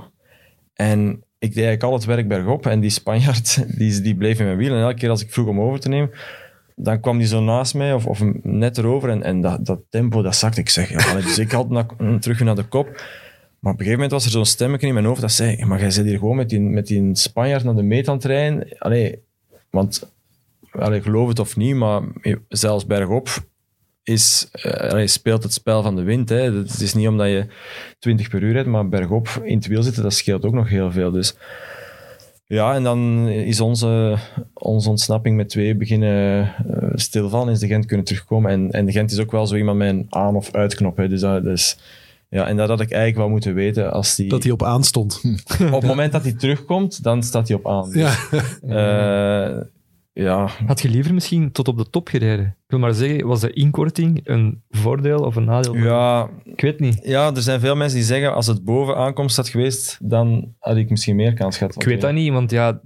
Dan had je een Nederlandse caravan ja. ineens tegen je Nee, nee, aangeblazen gekregen. misschien wel. Nee, maar ik wil maar zeggen, boven de boom, boomgrens staat er ineens ook veel meer wind. Ja, en misschien is de ja, Gent ook wel sterker. Als, als, Als, dat is heel inderdaad. moeilijk. Dan had misschien eh, van het peloton eh, renners weer Ja. tot bij ons gekomen, of zo, dat weet je niet. Hè. Ja. Het is, eh, eh, we- de tijd gaat snel en we hangen aan je lippen uiteraard. Maar als we toch even de Laurent Fignon, eh, Fignon kwestie willen doortrekken, dan moeten we het over nog een rit hebben natuurlijk, die je had moeten winnen en die je eigenlijk gewonnen hebt. Proficiat daarmee. Dat is toch waar, hè, Dirk? Ja, ja, het is de, de rit van de, in de Giro, hè, de vijftiende rit in de Giro van 2009. Toen heeft eigenlijk Vlaanderen Serge Pauwels leren kennen, Ja. denk ik. Hè. Van de, ene- want tot dan toe was je iets wat minder bekend, maar wat dat er daartoe die een dag gebeurd is, heeft hem eigenlijk in de harten van, eh, van Vlaanderen laten sluiten. Toen moest hij wachten, Mhm. met twee op kop. Maar misschien kan je het zelf eens vertellen wat dat er daar gebeurd is. ja, ik zal het proberen ook eh, Je hebt al veel beknopt vertellen. te, te vertellen, want het is, het is ook wel een, een, een ingewikkeld... eh, maar het kwam erop neer dat ik, eh, dat ik de kans kreeg om in de ontsnapping te gaan. Ik zat mee in de ontsnapping van een man of 15. En op een gegeven moment zeggen ze, ja, eh Sastre, die de kopman was voor het klassement, die, blijft wel, die krijgt voorrang. Dus zeggen ze in mijn oortje, ah, eh, ja, achteraan... Basso, concurrent van, van eh, Sastre voor het klassement, is gaan aanvallen. En, Sastre is geïsoleerd, heeft geen ploegmaat meer. Dus we zouden liefst hebben dat je wacht op de laatste klim. Ik zeg, oké, dat is goed. Ik zal wachten boven. En, ehm, maar intussen waren we niet meer met 15, waren we op de, op de klim ervoor. Waren eh, de helft was eraf, waren nog met 7 over. Dan die Bertagnoli, dan de man die uiteindelijk dan de rit zogezegd won, die, die maakte tempo, tempo, tempo. Ik dacht, ik blijf in het wiel totdat we boven zijn en dan wacht ik. Maar op, op een gegeven moment was, was ik nog de enige die nog in zijn wiel zat. En toen heb ik gevraagd, ja, maar willen jullie nu echt nog dat ik wacht? Eh, en dan zat er heel veel vertraging op die communicatie, want de, de tweede ploegleider, ploegleider zat achter mij. Dat was niet Van Poppel, maar dat was eh, Albassini. Ja, die had eigenlijk niet echt heel veel ballen aan zijn lijf om, om die call te maken. Dus die ging naar Van Poppel. Eh, van Poppel moest dan aan Sastre vragen of, eh, of, of, of ik eff- effectief moest wachten. Maar Sastre wist natuurlijk niet dat ik daar alleen zat met die. Ja. Dus die ging terug naar Van Poppel. Ja, je moet wachten. Ja, oké, maar... Dus uiteindelijk eh, was ik al een paar kilometer verder. Toen had ik echt... Ja, ik wist dat het mis was wat ik deed, maar ik heb uiteindelijk dan, dan toch gewacht. En, en ik denk ongeveer een half minuut later eh, kwamen ze bij mij terug. Eh, ja, je moet eigenlijk toch niet wachten. Je moet doorrijden. Nee. Oh nee. Ja, en dan waren de achtervolgers bij mij. En dan uh, er waren een stuk of drie. En daar won ik dan nog de sprint van. Dus ik werd eigenlijk tweede in de rit. Ja, goed dat je nog, sp- nog sprint Ja, eigenlijk. Maar want achteraf eh, is Wat dan... gebeurt er dan over de streep? Wat, wat, wat zeg je dan tegen Van Poppel en Albassini? Ja, maar goh, dat was voor mij... eh, ik weet niet wat ik allemaal dacht, maar ik, ik was enerzijds ook wel blij dat ik dat, dat, ik dat kon. Hè, want het was de eerste keer dat ik een grote ronde reed. Dat ik, dat, eh, nee, ik had wel het gevoel dat, dat het allemaal nog wel... Dat ik nog wel die kans ging krijgen. Maar ik was natuurlijk ook wel enorm ontgoocheld. eh, allee, dat ik het eigenlijk op zo'n lullige manier moest laten lopen. Wat nog altijd ook niet betekent dat ik de sprint zou gewonnen hebben tegen Bertagnoli. Maar allee, er kon wel, allee, ik had wel een goede kans gehad. Ja, Ik heb een renner zelden zoveel zien hoofdschudden op een fiets als jij toen die dag. Ja, het zag er op tv natuurlijk allee, heel, heel stom uit. Hè. Ik bedoel, eh, en, en eh, dat werd dan nog gevoed door het commentaar van eh, Renate en, en José vooral, die, die dan ineens eh, ging zeggen dat we geen Cervelo's meer mochten kopen in België. dat kunnen die toch, hè? Dat Ja. is toch ongelooflijk? hè? dat is en, toch... Die markt is ineen gestuikt. Zo. Ja. ja. Ja. Terwijl het eigenlijk wel heel goede fietsen zijn, eh, daar niet van. Maar. Maar wanneer heb je die rit dan officieel gekregen? Want ik wist dat eigenlijk niet, dat je die... Ik heb ze nooit... Ik krijg daar ook niet echt officieel bericht van. Want ik zag dat op Pro Cycling Ja, dat is dan eigenlijk de officiële. En, en ook op de, op de site van UCI, denk ik, zijn, is er een, een stukje eh, results. En daar is dan die naam Mhm. van Bertagnoli Ja, geschrapt. het grappige is dat Bertagnoli op een bepaald moment met zijn bloedwaarden eh, in opspraak komt. En dat er eigenlijk maar één rit geschrapt geweest is. Want al zijn andere overwinningen heeft hem eigenlijk nog. Maar Ah, die ja. rit in de Giro is, eh, is Ja. hij kwijtgeraakt. Maar Ja. bij een Giro, als je een etappe wint, dan hoort toch een geldbedrag ook bij of zoiets. Eigenlijk heb je daar dan toch nog gerecht op? Nee, maar is, dat, is dat niet zo? dat is dat niet zo? veel, Dat is wel het geval geweest toen. Ook in die Giro is, eh, is die Luca ook achteraf positief geweest. Of, of, ja. Ja. En Sastre reed toen het klassement voor ons. Dus die, die, die was van plaats drie naar twee, ge- of nee, van vier naar drie of zoiets Ja. gegaan. En dan hebben we wel nog eens een herberekening van het prijsgeld gekregen. Maar ik denk niet dat dat... Dat is typisch dat een Nederlander direct achter geld vraagt. Nee, maar ja, ik denk dat gewoon, of meestal krijg je toch zo'n stom gedenkplaatje of zo, dan moet hij je toch nog opsturen. Dat is toch het minste wat hij kan doen. Ah, ja, denk, denk ik dan, misschien wel, maar... Ja. Die bloemen zijn verwelkt. hè. Ja, dat is Ja. dat. Enfin, kijk, ehm, het is zoveel waar we het over willen hebben. Jij wou het ook nog, Dirk, over, over Sky hebben, hè? Ja, want nu kijken we naar Sky en naar Ineos Grenadiers als eh, de topploeg die ze... Als, Instituut. Het instituut, hè, de dark side van het, Mhm. van het wielrennen. Maar toen dat je daar in 2010 naartoe ging, was dat helemaal niet. Hè? Nee, heel juist. Allee, ze, ze, wilden eigenlijk... ehm, ze, ze zagen het allemaal wel heel groot, maar ze wilden ook eh, met veel dingen, en dat, dat is later ook gebleken, breken met de traditie. Of ze stelden alles opnieuw in vraag. Zo van... eh, alle, alle, alles wat eigenlijk in het wielrennen traditie is, ehm, gingen zij terug s- opnieuw vanuit een, wit blad papier eh, proberen invullen. En dat is ook niet nodig. Er zijn ook zoveel goede dingen in, in het die er zijn voor een reden, hè, waarom je zo traint enzovoort. En ehm, nee, in het begin stond dat wel nog niet allemaal zo op punt. Ze waren ook heel veel met de details bezig. Ehm, terwijl ze eigenlijk zo de, het, ja, de core eigenlijk eh, misschien een beetje verwaarlozen. Niet iedereen had bijvoorbeeld een, eigen trainer binnen de ploeg die echt één op één met een renner bezig was. Maar ze waren dan wel bezig met op het moment dat, dat de ban voor de oortjes eh, er ging komen. Van ja, hoe kunnen we toch misschien berichten eh, sturen naar, naar de renners vanuit de ploeggeleiderswagen? Misschien moeten we eens onderzoeken of dat we dat via laser op de, op de lens kunnen projecteren. Maar dat, ik bedoel, Oh ja. ja, dat, dat, allee, dat waren zo Levensgevaarlijk ideeën, maar om, om, eigenlijk, maar, om, maar, goed, ja. om maar te zeggen dat ze, dat ze ja, toen nog niet echt met, met het belangrijkste, gewoon met de... Ze waren ook enorm hard bezig met de uitstraling, hè, met die, ja, die nieuwe shirts, Adidas, die Ja. Jaguars. Eh, Ja, die Jaguars, inderdaad. Terwijl dat eigenlijk bijvoorbeeld de Pinarello-fietsen, die waren heel knap, maar die, die waren eigenlijk te zwaar om, om echt competitief te zijn op dat moment. En dat, dat lag misschien niet aan, aan, aan het kader, maar te gewoon het, ja, het totaal van, van alle materiaal, van de wielen enzovoort. Dus ja, er was echt nog veel werk. eigenlijk, ja, ja. voilà, kinderziektes. Ehm, En hoe was die Brailsford? Was die tof?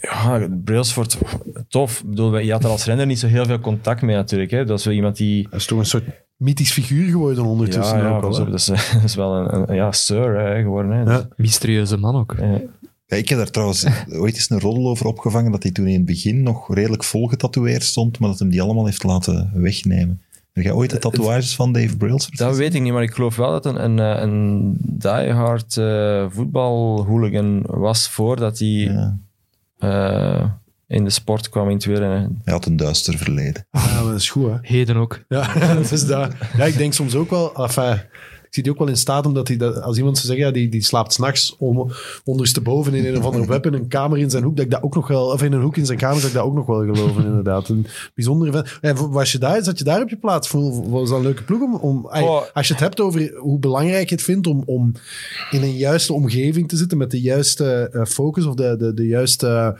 uh, intenties.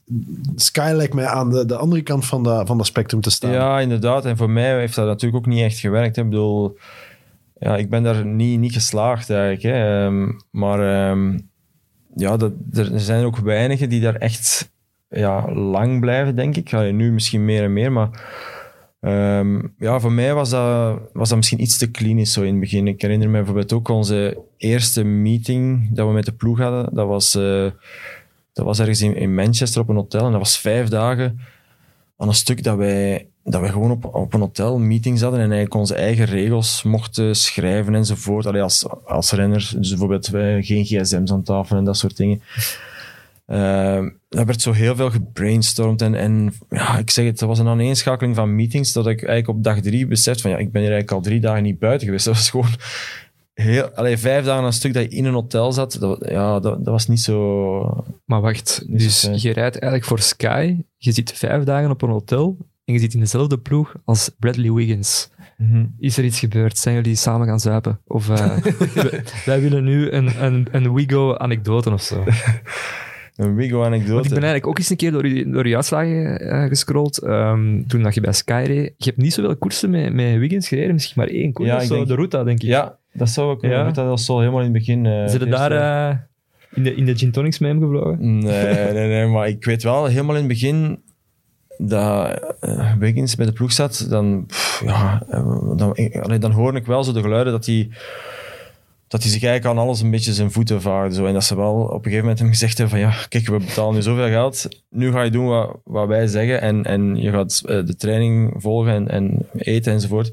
En dan heeft hij denk ik helemaal de knop omgedraaid en dan is hij alles beginnen doen. Nu ga je elke geheime envelop dat wij je sturen pakken.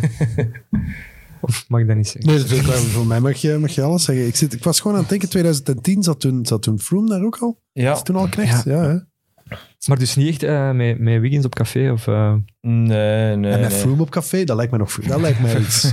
zo wel gemberthee met Froome gaan drinken. Zo. Dat is, uh... Ja, maar je hebt daar wel met, met, met figuren gereden. Wat je op zegt klopt wel. Hè? Dat zijn wel, ik Ja, ja. Garen Thomas zat daar toen ook. Shit, ja. ja. ja. Maar uh, en zaten daar mannen bij die toen je je afscheid aankondigde ook nog sms'jes gestuurd hebben? Of is dat, is, dat, is dat dan te ver weg? Jawel, wel, onder meer uh, Cummings, ook uh, ja. Edvald, Boassenhagen. Um, ja. Ik, had ook, ik had ook wel een beetje de indruk um, dat in de eerste twee jaren van Sky dat, dat eigenlijk vooral de focus was op, op klassieke werk. Ja. Ook vooral echt meer sprinters en, en, en klassieke coureurs. En dat ze pas, denk ik, na uw vertrek, allee, niet dat daar een verband is, ja. zich meer zijn gaan focussen op het rondewerk. Ja, ik denk dat ze ook maar eerste keer hoogtestage bijvoorbeeld gedaan hebben vanaf mm, 2011 of 2012. Dus uh, dat ze dan echt meer zo inderdaad op het rondewerk zijn. Ze hebben nog eens een keer een hoogtestage gedaan, denk ik, voor de klassiekers. En dan dachten ja, ze van ja. Later, en dat is dan volledig in de soep gedraaid. Ja, toen ook, uh, ja. Volg je nu de, de koers? Uh, ja, je moet dat doen om den broden natuurlijk, omdat je performance mhm. manager bent. Maar, maar los daarvan, uh, volg je het allemaal nog? Uh, of, of ja, misschien zelfs meer dan ooit? Ja, uiteindelijk, nee, dat is altijd mijn, mijn hobby geweest ja. ook. Hè, dus dat is niet... Er gebeurt wel wat hè, tegenwoordig. ja, maar het zijn wel heel vaak dezelfde drie die winnen.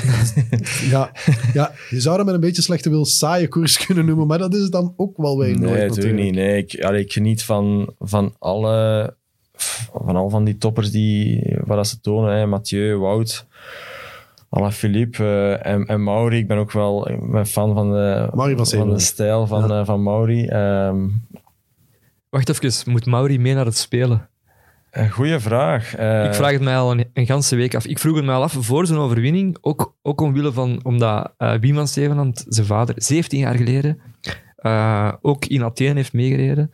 Uh, met de Belgen. En die werd eigenlijk geselecteerd omdat, ja, die heeft toen duizend drinkbussen gehaald. Het was daar super heet, hè, 50 graden ja. in Athene. Maar die werd ook vooral geselecteerd omdat hij eigenlijk dezelfde kader had als Van Petegem. En in de Olympische wegrit... ja. ja. in de Olympische wegrit... Um, ja, er is een ander systeem met die ploegauto's. Er zijn er minder. Denk ook geen oortjes. Dus die moest constant bidons gaan halen voor de peet. Maar ook daar constant bij blijven. Moest hij lekker rijden, kon hij gewoon direct zijn fiets afgeven. Hoeveel, hoeveel dat, ja, dat is, dat, dat, is, dat is geniaal. Maar ik zit me ineens te denken, hoeveel man mogen er mee in die... in die- Vijf. Vijf. Vijf ook Top, toplanden vijf. Dus. En, Ja. en de regel is zo dat ehm, ja, dus de twee tijdrijders moeten dan ook de weg rijden. Ah, ja. Dat is niet echt de regel, maar je zit daar met die mix van, Ja. van eh, alles wat is baanrennen enzovoort, dat allemaal in één pot. Oké, eh, maar. Evenepoel Dus- en Van Aert zouden in principe... Ja, dat dat, is zijn in kan- dat principe, zou je met een beetje goede wil kanshebbers kunnen noemen, ja. Maar dan moet je nog drie... Ja, sorry, Jappe, ja. Ja, nee, nee. Ik wou ook gewoon zeggen van dat... Ja, Mauri van Zevenand zijn fiets. Ik weet nu niet met wie dat hem matcht. Maar die kan ook winnen. Of die kunnen we misschien zelfs al gebruiken als bliksemafleider. Maar het, is in elk geval heel snel gegaan. Hè? Ja. Ik bedoel, van de winter zou je eigenlijk misschien niet meteen aan Mauri denken. Ook al is hij, of je, zou, ja, je houdt wel rekening mee, maar als je dan kijkt naar wat dat je op de Spelen wilt gaan doen, hè, met Wout en Remco heb je eigenlijk twee favorieten voor de, voor de Olympische titel, eh, ook op de weg. Ja, dan moet je in die, bij die drie anderen, je zit dan ook nog met Greg, die ja, Olympische kampioen uitredend winnaar is. Wat doe je daarmee? Dat Is dat, is dat de- verplicht? Dat is iemand die Noblesse oblige, moet, moet dat niet? Moet hij dat niet... ja, dat is, je dat gaat- is je niet gaat geen ook- verplichting, maar ja, Hij heeft die help nu, hè. kan je hem thuis laten. ja, ja. Hij heeft ook zo'n fiets dat daarop af... Allee, bedoel, dat, dat, is-. Ik denk dat we hem misschien wel gaan moeten thuis laten. Hmm, dat weet ik niet. Dat is wel heel, heel vro- vroeg dag, denk Ja, ik. om vij- dat te vij- zeggen, dat. maak hem eens even... eens- We zijn vroeg, hè, maar maak, maak, zeg jij eens. Dus wie- ja, we zijn met vijf. hè. Dus eigenlijk eh, Van Aert, Remco. Ja, ik zou Mauri ook meepakken. Ja, Tisch, als die in vorm is, misschien eerder dan Van Avermaat. Of... Fuck, mijn vrienden gaan mij dood doen hè, als die mij horen. Eh, ik weet niet, ja. Ja, er zijn er nog. Hè. Dylan Teuns Ja. bijvoorbeeld. eh Dries Ah, Devenijs ja. is Ja. ook iemand die... Ik wil maar zeggen, Greg is toch niet zeker van zijn selectie? Laurens de Plus, inderdaad. Hè. Deze, Laurens de Plus, als hij op niveau is zoals eh twee Ah, jaar wel, Greg is toch niet zeker? Ik heb toch gelijk? Ja, Ja, op, gelijk. zich is er, op zich is er niemand niet zeker vandaag totdat er een, een definitieve selectie is. Maar het is wel inderdaad een heel moeilijke puzzel, want je ziet maar, ja, oké, die twee zou je in principe invullen. Dat zijn dan de twee tijdrijders. Maar ga jij daar trouwens over meebeslissen? Ja, toch? Ja, jullie- de eindverantwoordelijkheid ligt bij, bij Sven. Sorry. eh, wat maar ik denk wel, allee, ik, ik word wel mee betrokken in, in, de, Ah, ja. in de selectie. Ja, Ja, die gaat jou toch, die gaat jou toch je mening vragen? ja natuurlijk. Wat ga je overleggen dan constant. zeggen?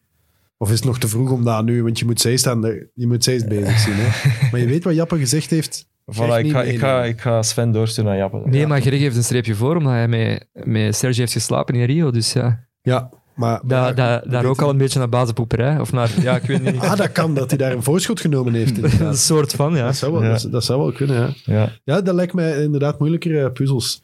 Ehm, Ja, er is op het einde van het jaar nog een moeilijke puzzel die ze moeten leggen. Hè? Goh. Die, die 2K is misschien nog moeilijker, ja. ja. wat Eh, maakt die moeilijker?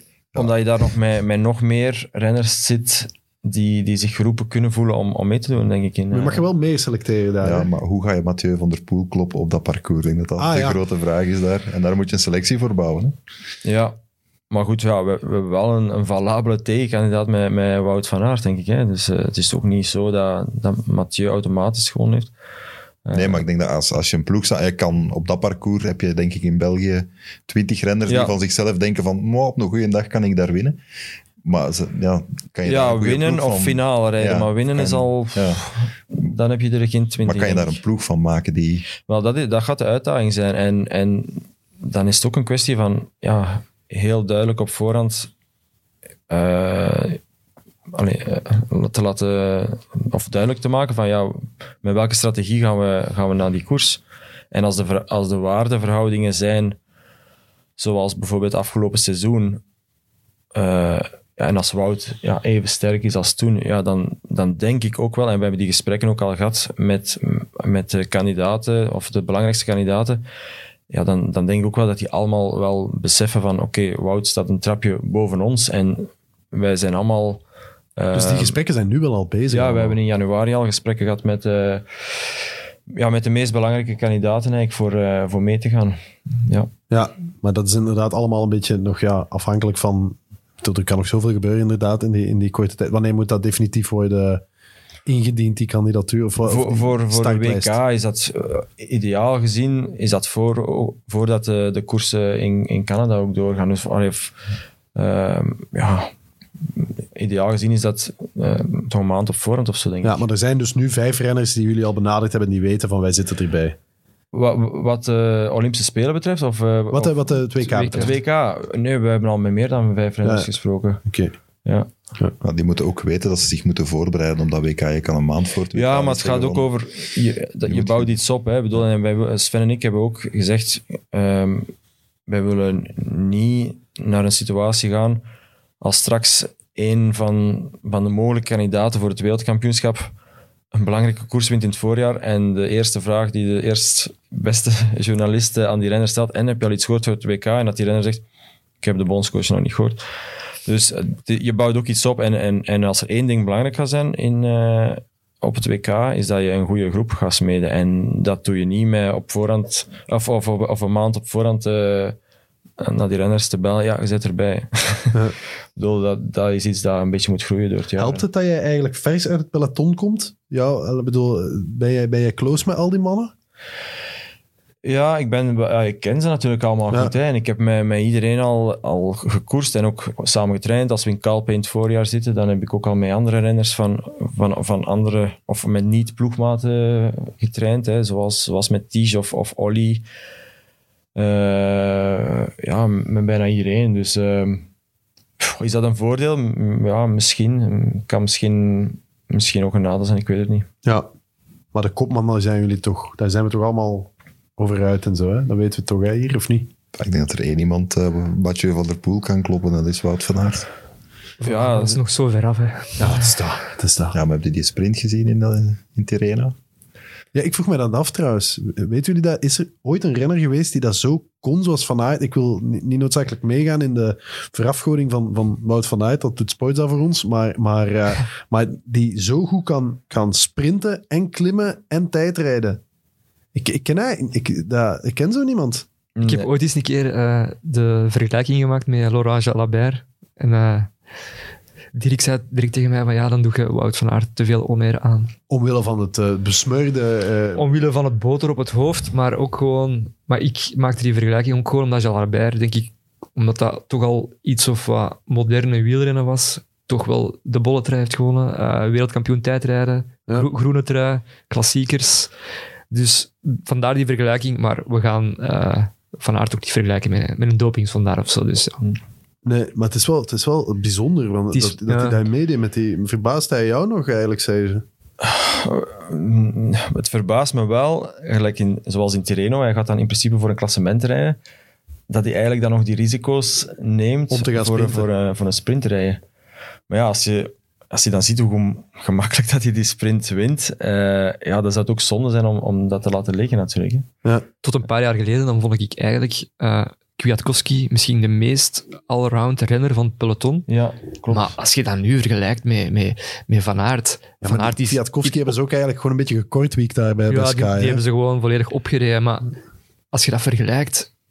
Ja, Van Aert is gewoon in elk segment beter als hem. ja. Dus... Ja, en grappig dat er dan nog één rondrijdt die soms Die nog beter is. Ja, ja, ja. Ja. Ja, dus, eh, het zijn, wie zei het? Die gast van Eurosport zei het net in het commentaar. What a wonderful time to be alive when you're a cycling uh, fan. Het is, het is ook wel echt niet... Ja, en, en als je bijvoorbeeld naar de Strade kijkt deze week. eh, ja, Mathieu rijdt daar weg van de wereldkampioen en de toerwinnaar van twee jaar geleden. Die op hun beurt beter waren dan Wout van Aert. Hè, dus de, de, de man van, van vorig seizoen, die in een groepje zat met de toerwinnaar van vorig seizoen. Met, eh met Pitcock en ja, ja, bedoel, Daar miste nog een En- Serge Pauls in dat groepje. Ik denk iemand- dat ik net op tijd gestopt ben, want ik denk, eh, ik denk dat ik gevoeld heb dat je hebt de dat- nooit gereden, hè? Of- Nee, dat is eigenlijk een van de, van de enige koersen waar ik wel wat spijt van heb. Ja, dat dat had toch iets voor jou geweest?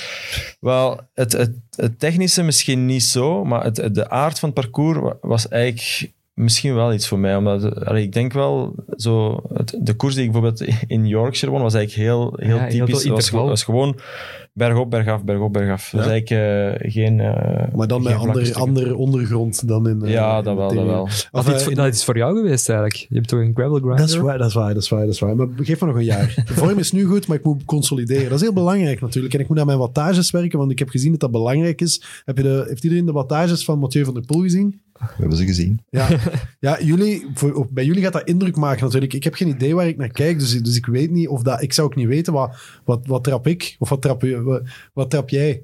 qua wat Ja, maar- Dat is een vraag voor op café. En, wat trapt jij? ik, ik heb ook geen idee waar ik het over heb nu, hoor. Ja, hoe lang... eh, dat Nee, is nee, eigenlijk, al- eigenlijk onder, onder coureurs is vooral, en onder klimmers en tijdrijders, als die op café stoeven, dan is dat eerder zo van, hè, wie heeft de langste? Wat is uw FTP? Dat is zo wat, een beetje- wat is... eh, Ja, wat is wie- FTP dan? De Dat kan misschien eigenlijk... eh, Ja, dat is de de functional threshold power. Dus eigenlijk, power, yes. laten we zeggen, eh, de, de, het vermogen dat je eigenlijk over een duur van ongeveer één uur kan volhouden. Oké. En wat is dat bij jou, je FTP? Nu of was? Nee, maar ja, op je, nee, bij- toen op ik, je toen ik hoogtepunt. renner was, zou ik, zou ik zo altijd rond de 375, in, eh, ja, 375 watt in, in topvorm op voor 65 kilo, denk ik. Wel, hoeveel is dat? Wat de kilo dan? Ja, ehm, 390 zou 6 geweest zijn, dus eh, 5,7, 5,8 zoiets. Weet Ah, jij ja. dat bij jou? Jij bent een amateurrenner, maar naar het schijnt, ik heb goede dingen gehoord, dat je ook dat je redelijk goed kunt fietsen. We- Weet jij wat jouw FTP is? Ik heb eens een FTP-test gedaan vorige maand, voor de eerste keer op Swift. Ik heb eens dat gedaan vorige maand. Nee, nee, vorige maand. Ja. Ik heb nog maar juist Swift geïnstalleerd. Ja. En eh, ik kwam toen... Ik denk dat ik... eh, wacht, hè, ik moet even zien. Ik denk 4,6 watt de kilo ongeveer. Dat is niet zo slecht. Dus, eh, Maar ja, je hebt dat zelf gedaan, dat onderzoek, dus ja, dan... eh, ja, ja, ongeveer, ja. nee, nee. ehm, Heb jij dat, Dirk? Doe jij dat? Nee, rij mee? Ja, ik heb het ook ooit eens laten doen. 3 3,2, maar ik heb pak meer kilo's dan Jappe, dus... eh, Nee, dat is wel waar. Daar wou ik je Maar- eens over aanspreken straks. maar die ook. FTP-test, dat is eigenlijk ook helemaal niet leuk of zo. Eh, nee, nee, nee. En, en onder vrienden, dan wordt er natuurlijk ook af en toe wat getrashtalkt via WhatsApp over wattages. En eh, ik heb ooit eens een keer in een minuut eh, 730 watt getrapt op de Bosstraat in Boom. En soms als mijn vrienden mij trashtalken, dan stuur ik gewoon een printscreen van die minuut door. En, dat sinds- vind ik wel straf. en sindsdien noemen ze mij de, de One Minute Man. Eh, zolang mijn vriendin mij maar niet zo gaat noemen, is dat, is dat goed. Is dat goed, denk ik. Maar eh, inderdaad, soms als die...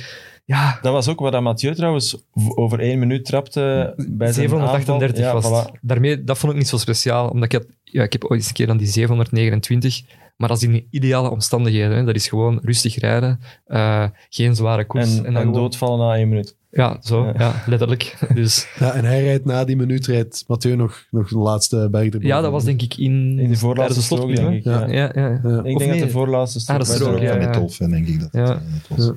Dat, maar dat is, die, die wattages toen jij begon met je profcarrière, dan was je daar toch totaal nog niet mee bezig. Nee, want ik, ik heb zelf nog een powermeter gekocht. Ik denk dat mijn eerste was een PowerTap in 2007. Maar dan, dan was ik eigenlijk al een, een soort pionier om dat te, om dat te kopen. Ik bedoel, ja, de, je- de waarde is niet zo heel veel dat te hadden. Is de meerwaarde... Allee, bedoel, ja, ik kan me voor, ja, voor jou als, als coach nu of als begeleider is dat heel belangrijk. denk ik. Absoluut, ja. Ik, ik, allee, ik kan eigenlijk zelf ook bijna niet meer fietsen zonder wattagemeter.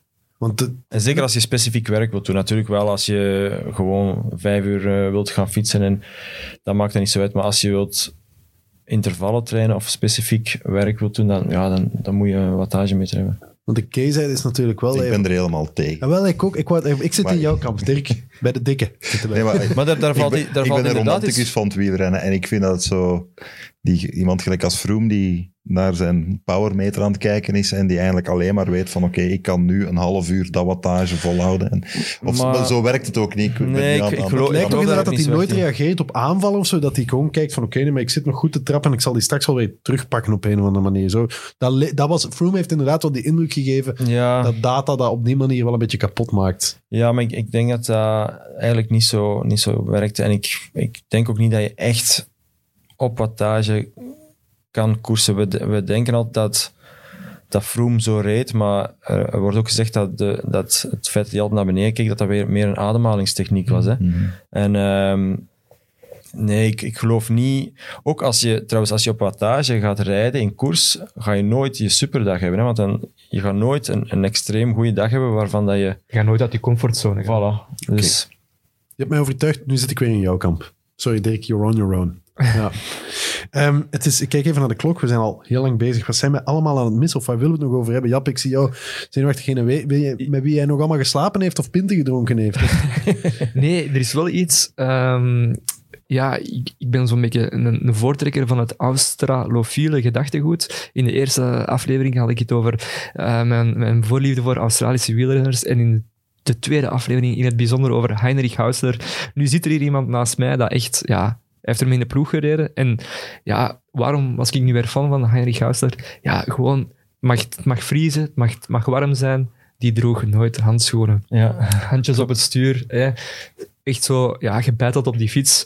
En eh, ik heb dat toen de vorige aflevering toen geopperd. En heel veel eh, luisteraars, ik denk een stuk of tien, hè, is toch, wel, eh, toch Ja. veel, hebben via Twitter en via Instagram naar foto's gestuurd, toch van Heinrich Hauser met handschoenen. Dus die foto's bestaan toch? Maar het klopt toch, hè? Ja, ja, daarvoor was hij gekend onder andere. Ja, Ja, toch echt Ja. gekend ook, hè? binnen het ja, peloton? Of? die, ja, die kon heel goed tegen slecht weer. Hè. En die rit dat hij won eh, in Colmar. 2009, ja, in, Ja. De, in de Vogezen, ja, dat was ook gewoon... ik was er niet bij, maar dat zag er echt verschrikkelijk Kun je eens een uit, ja. keer eh, ja, vertellen, Hauser, wat voor iemand is dat? Wat voor iemand is dat? eigenlijk weten, heb je daar eens mee op café gezien? nee, nee. Nee, eh, ik weet wel, ja, dat, dat jaar 2009 bij Cervelo Testteam, dat was relatief fantastisch in het voorjaar. En dat was toen eigenlijk al zichtbaar. We gingen op, in januari op stage.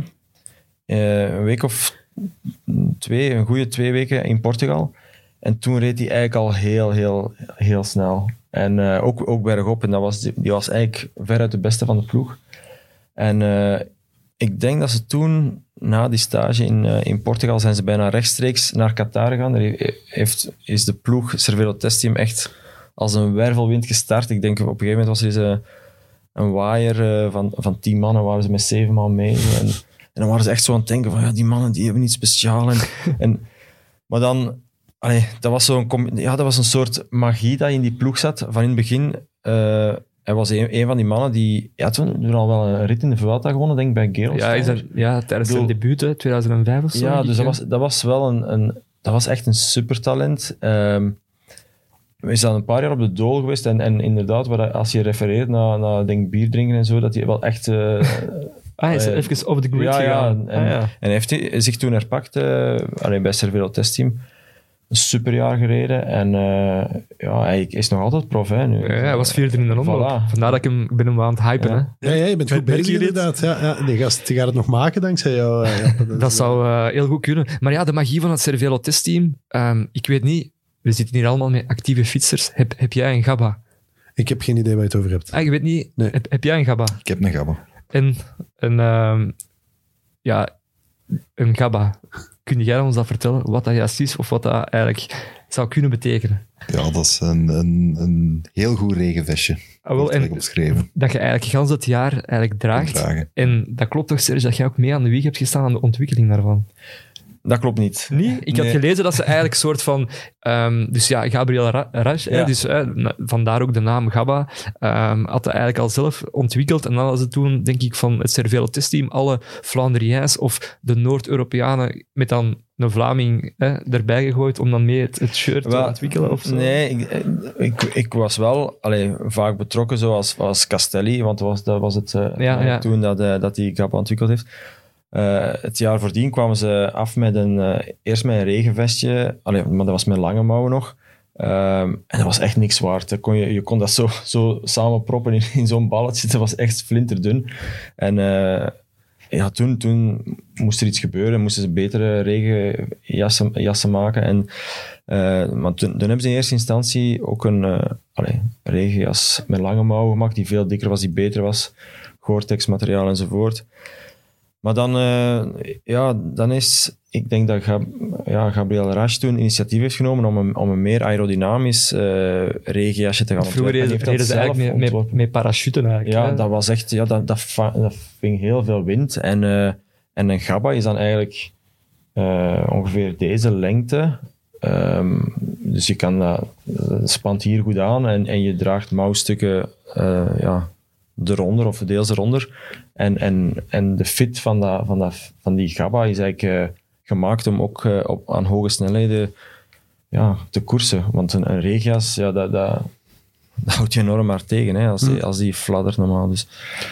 Krijg je nu zo'n ding nu dat je dit onderwerp hebt aan... eh, Eh, ja, laat, laat ons hopen. Hè. Ja, ja oké. Maar oké, Gabba, ja, maar dus, dus, maar de, de mythe is ontkracht. Je hebt daar eigenlijk... Je stond niet aan de, de wieg van de Gabba. Nee, nee, ik heb er ook eh, geen, geen rechten op. Of alright. Oké, Maar dan je heb, hebt nog wel een in de kast hangen. Of, eh, Ik heb er nog meerdere, ja. en heb je hem nog nodig, want Jappe wil heel graag een Gabba. Ik heb er nog een van MTN Quebec, denk ik. Oh, mooi. Ja. Straks telefoonnummers Uh, Dirk, uh, want ik voel, ik voel echt uh, de hete adem van alle andere podcasts in mijn nek. we moeten ongeveer afsluiten. heb jij nog een, iets, iets prangends, iets ja, waar je ik, nog mee ik zit? nog iets heel kleins ja, recht, dat is van vorige week, ja. want anders moet ik vanavond op de bank slapen. Ja. Um, want mijn vriendin was naar de podcast vorige week aan het luisteren en we moeten nog iets klein rechtzetten. We hadden toen over het vrouwenwielrennen en er was mm -hmm. een beetje heibel op Twitter over het lage prijzengeld bij de dames. En we hadden toen gezegd dat wij vooral waren voor dat er meer geïnvesteerd werd in de koersen dan in prijzengeld.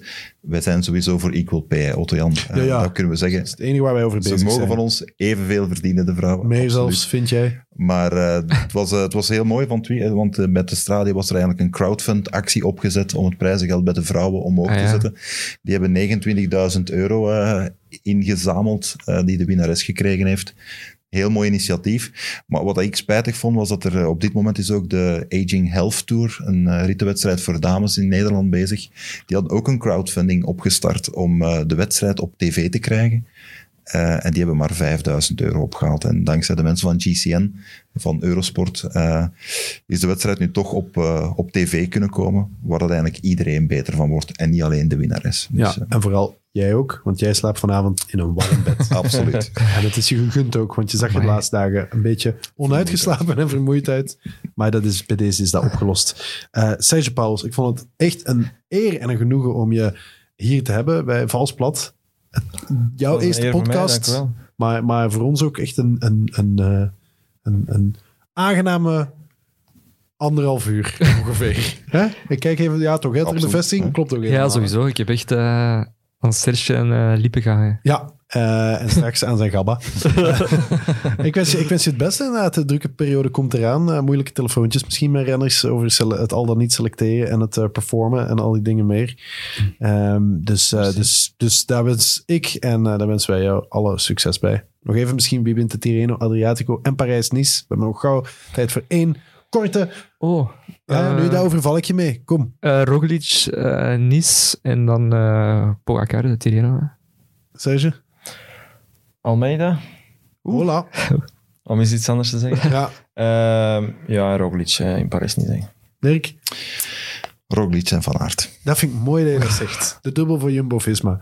Uh, maar ik iedereen eraan herinneren dat ik vorige keer uh, Mathieu van der Poel had gezegd in Terreno Adriatico. En uh, de Strade. In de stra bedoel ik in de Strade. Uh, maar ik denk ook dat hij de Terreno gaat winnen. en dan wint uh, Roglic wint dus. Roglic wint de, inderdaad Parijs-Nice. En Van der Poel die gaat de Tirreno winnen. Ja, want vorige, vorige week had je dat dan juist geraden eigenlijk. Ik had gelijk, maar ik had wel nog in de WhatsApp-groep had ik dan ineens nog Bauke Mollema gezegd. Ah, wel, ja, ja, dat, wou ik nog even, dat, wou ik nog even, dat wou ik nog even zeggen. Dat is, eigenlijk, dat is eigenlijk een truc zo oud als de straat. Nee, nee, nee, om als een kenner over te komen. Dat is bij elk andere vriend een andere naam dat is niet waar. Nee, maar dat is waar. Ik ben wel ik gebruik die truc ook tafel trouwens. plakt. Dus ik had maar ik had op uitzending on the record had ik Van der Poel gezegd. En ineens dacht ik, nee, wacht eens, Mollema, die, dat gaat een grote verrassing zijn. Maar dus nu beloof dat ik niet meer in de WhatsApp-groep ga terugkomen op, ik blijf erbij, Van der Poel, die wint de Tirreno Adriatico. Bij okay. deze.